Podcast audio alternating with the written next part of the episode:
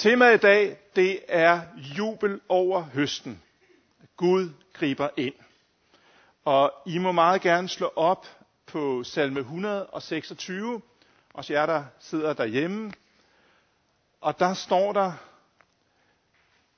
skal vi lige have den op.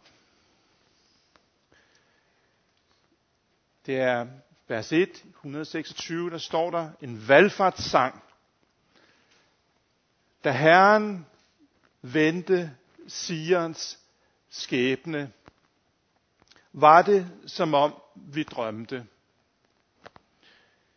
Der fyldtes vor mund med latter, vor tunge med jubel, der sagde man blandt folkene, Herren har gjort store ting imod dem. Herren har gjort store ting mod os, og vi blev glade. Vend vores skæbne, Herre, som strømme i sydlandet.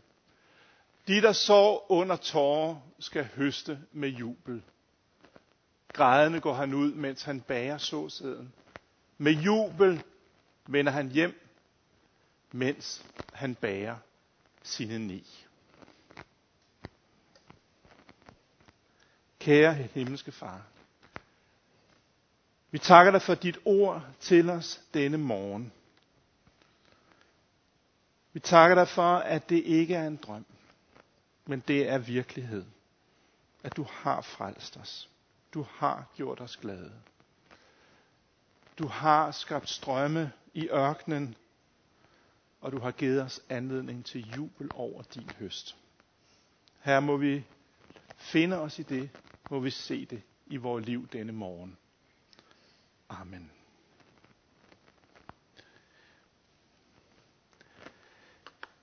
Dagens salme er en valgfartssang, står der i vers 1. Og dem er der 15 af i salmernes bog, og det er fra salme 120 og til salme 134. Man kunne også oversætte det opstigningssange. På engelsk vil det være Songs of Ascent. Sange, når man går opad. Der har været lidt forskellige fortolkninger af præcis, hvad det her betyder, men den almindelige forståelse er, at det er sange, der blev sunget på vej mod Jerusalem for at fejre højtid. Og derfor så henviser sangene ofte til Sion, til Jerusalem, til Guds bolig. Og sangene kommer sådan i trioer af en sang om besværligheder, en sang om tillid og en sang om sejr. Og så forfra en sang om besværligheder, tillid, sejr. Så selvom det er sange, der er sunget på vej op til Guds bolig i festlig procession, så er der også i sangene en erkendelse af, at man kan sige, at livet er jo ikke altid en festsang. At nogle gange, så går det også den forkerte vej, og nogle gange går det måske også nedad. Men uanset, så er vi på vej mod det nye Jerusalem, mod Guds bolig. Som øh, familie, så oplevede vi for år tilbage at øh, bestige Sinaisbjerg sammen. Og det her det er et billede fra toppen af, af Sinai's bjerg, lige hvor solen er brudt igennem ude i horisonten og rammer øh, bjergene. Vi var på det højeste top, og så de andre bjergtoppe var ligesom nede under os. Øh, der var koldt op på toppen. Der var faktisk frostvær, da vi kom derop. Og øh, vi var rigtig tidligt op. Faktisk var vi jo nærmest oppe midt om natten, for at nå op og være der til solnedgang, øh, solopgang. Så vi startede kl. 2 om natten. Det kan man jo sige at stå tidligt op. Der ved jeg ikke, om man stadig kan sige godmorgen. Men da jeg vækkede børnene, så det ikke sådan ud. De troede, der var et eller andet vanvid, de skulle blive trukket igennem. Men da solen brød igennem, så var det fantastisk. Og på vej derop, så var der mange, der gik sammen med os. Vi var ikke alene. Og blandt andet var der en stor gruppe af græsk-katolske pilgrimme, som havde været på rejse i området, og nu skulle de så op her til toppen og have gudstjeneste op på toppen. Og undervejs derop, så stoppede de op og sang salmer ud i mørket, ud i nattemørket. Og, og det var meget smukt, en stor oplevelse midt i besværet og kampen med at komme op af det her bjerg. Og sådan er, sådan er valgfartssangene. Det er smukke, poetiske beskrivelser af vejen mod Guds bolig. Men sange, der kan synges i mørke. Sange, der kan synges, når det føles rigtig tungt at komme op af. Men stadigvæk forkyndelse af Guds ord. Og salmerne, de tal, den salme 126, den taler både i fortid, i datid, og i nutid, og i fremtid. Vers 2 og 3 ser tilbage på Guds gerninger, primært her udfrielsen fra Babylon. Vers 4 er en bøn om Guds indgriben, og vers 5 og 6 er profetiske ord, der viser fremtiden og giver håb. Så hvis du går igennem en hård tid nu, hvis der er vanskeligheder i dit liv, så er jeg sikker på, at salme 126 kan tale til dit hjerte i dag.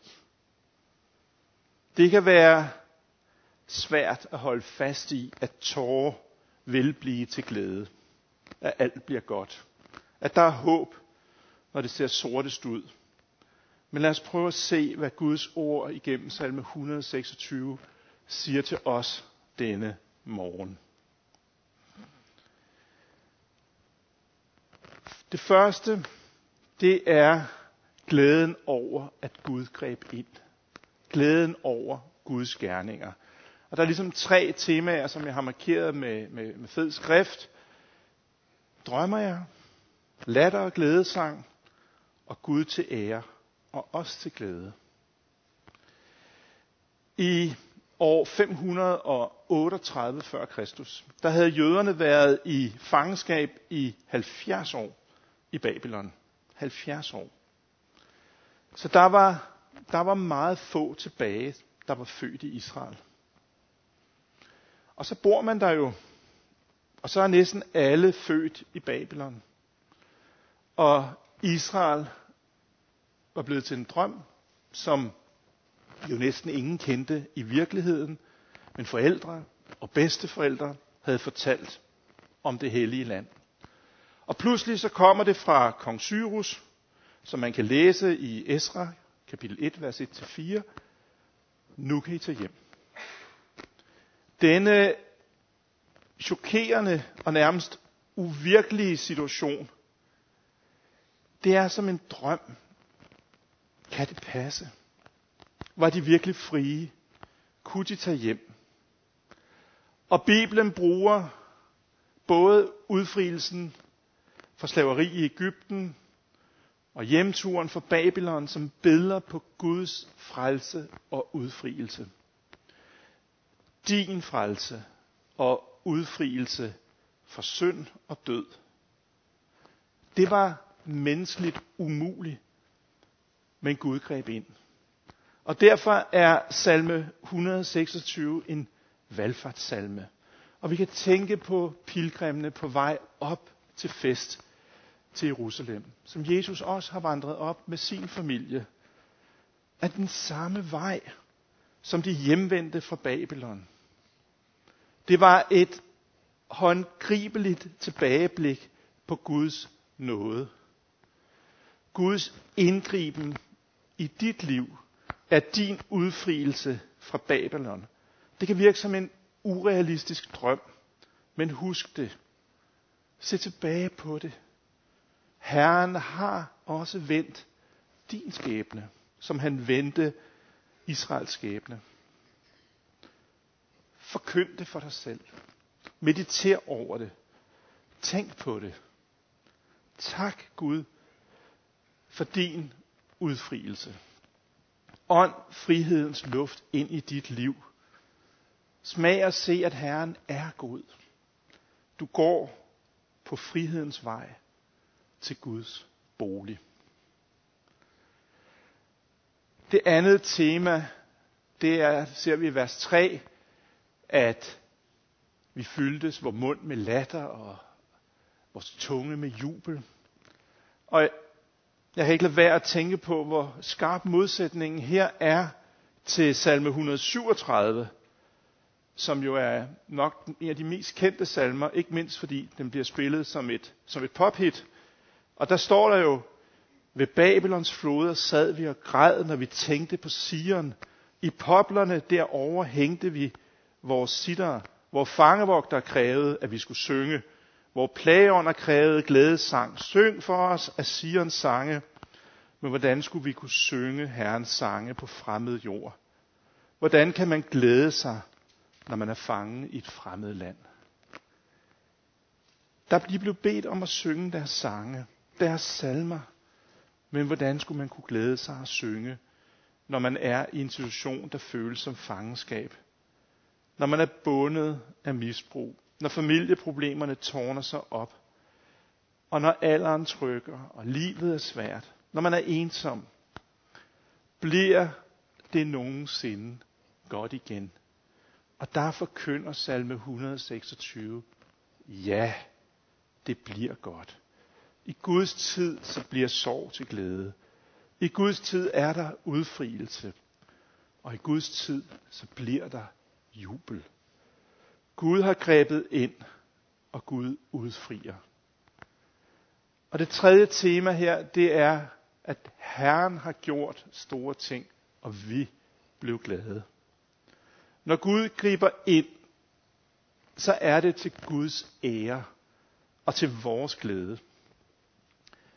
Israelernes hjemvenden, tilbagevenden til Israel fra Babylon, det blev bemærket af folkene omkring dem. De blev et vidnesbyrd om Guds magt, om Guds nåde og Guds virke i deres liv. Så når Gud virker i os, så er det et vidnesbyrd om Gud til folk omkring os.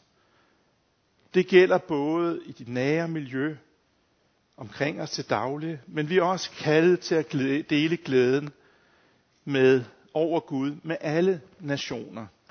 Og derfor så er Nita og Davids arbejde så vigtigt for os. Vi får lov at støtte det i dag med vores høstoffer.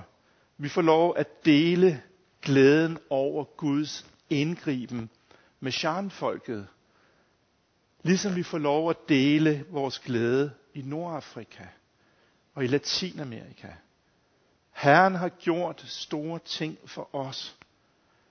Så lad os dele vores glæde med andre. Nu fortsætter vi fra datid til nutid og fremtid.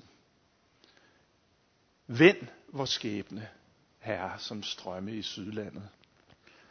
Vend er det samme ord, som vi så i vers 1, da Gud vendte Sions skæbne. Så Gud vendte Israels situation, og nu beder salmisten Gud om at vende situationen igen. Og det er en bøn om Guds umiddelbare og stærke indgriben.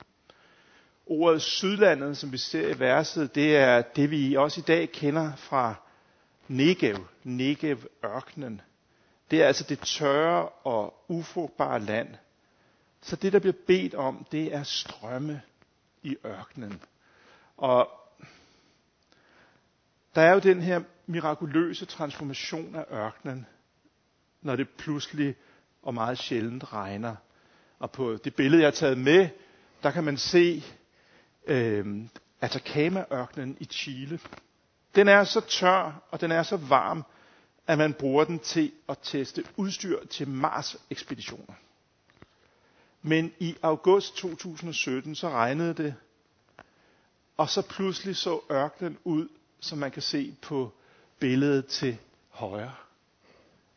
Så var der et blomsterhav over det hele. Men vi beder altså om strømme, altså fortsat vand.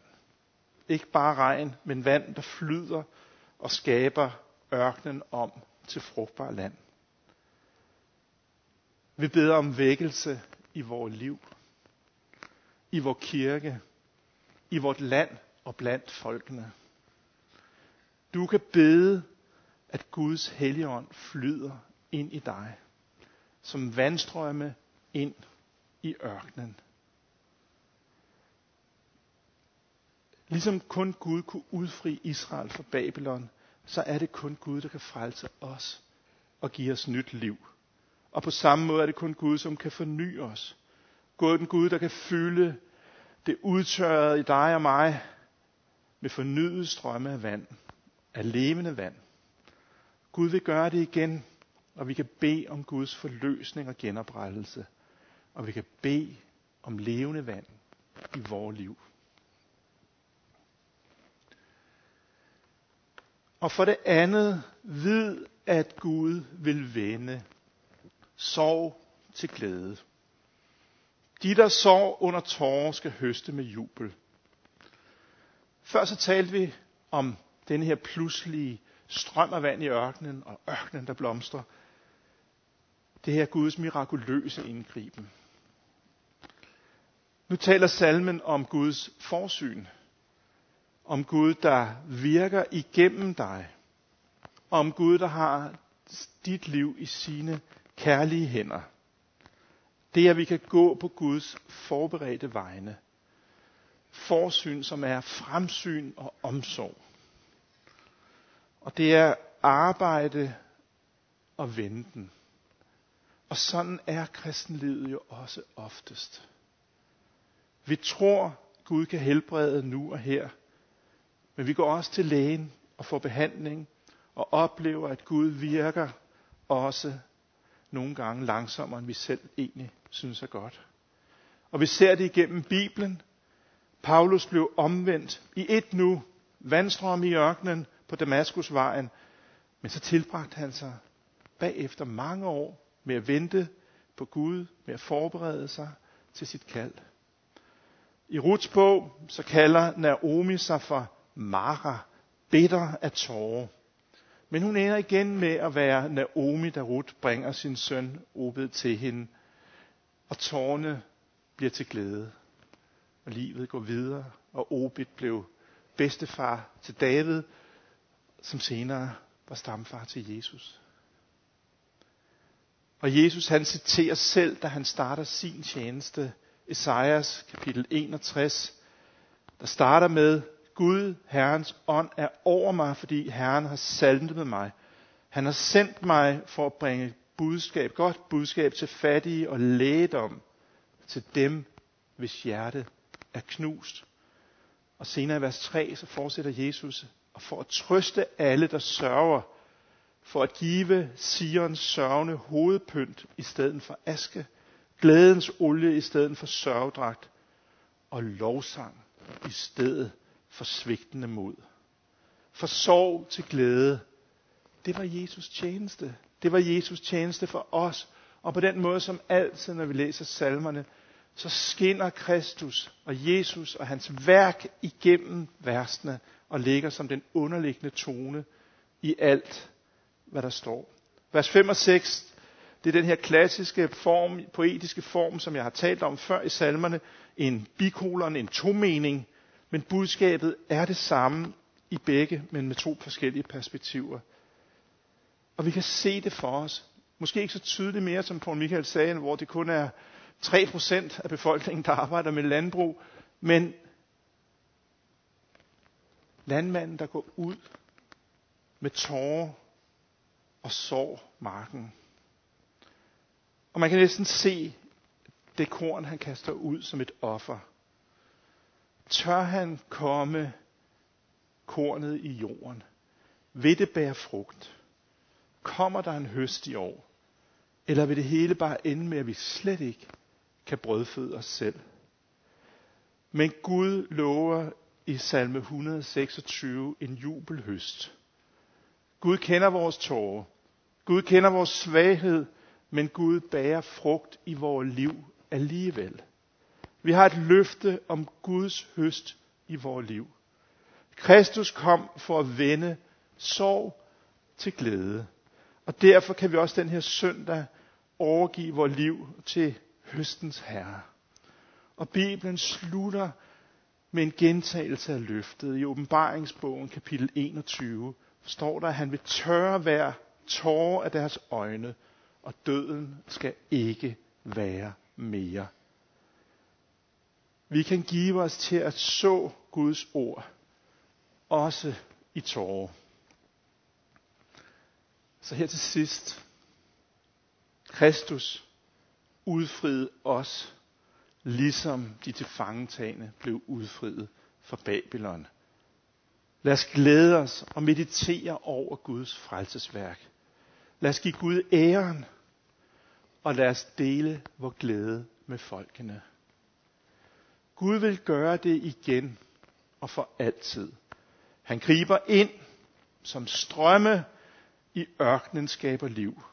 Men han bærer også evighedsfrugt og jubelhøst i vores liv.